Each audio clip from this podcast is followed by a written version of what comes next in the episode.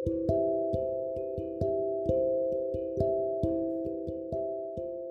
kamu, cinta itu harus memiliki.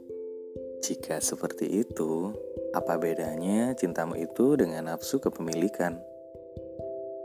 Dan apa bedanya yang kau cinta itu dengan benda kesayangan?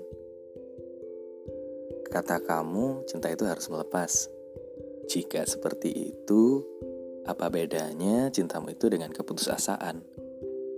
Apa bedanya dia dengan hal-hal yang tak pernah kau inginkan? Kataku, cinta harusnya tanpa kata harus. Miliki jika bahagianya itu kamu, lepaskan jika bahagianya itu bukan kamu.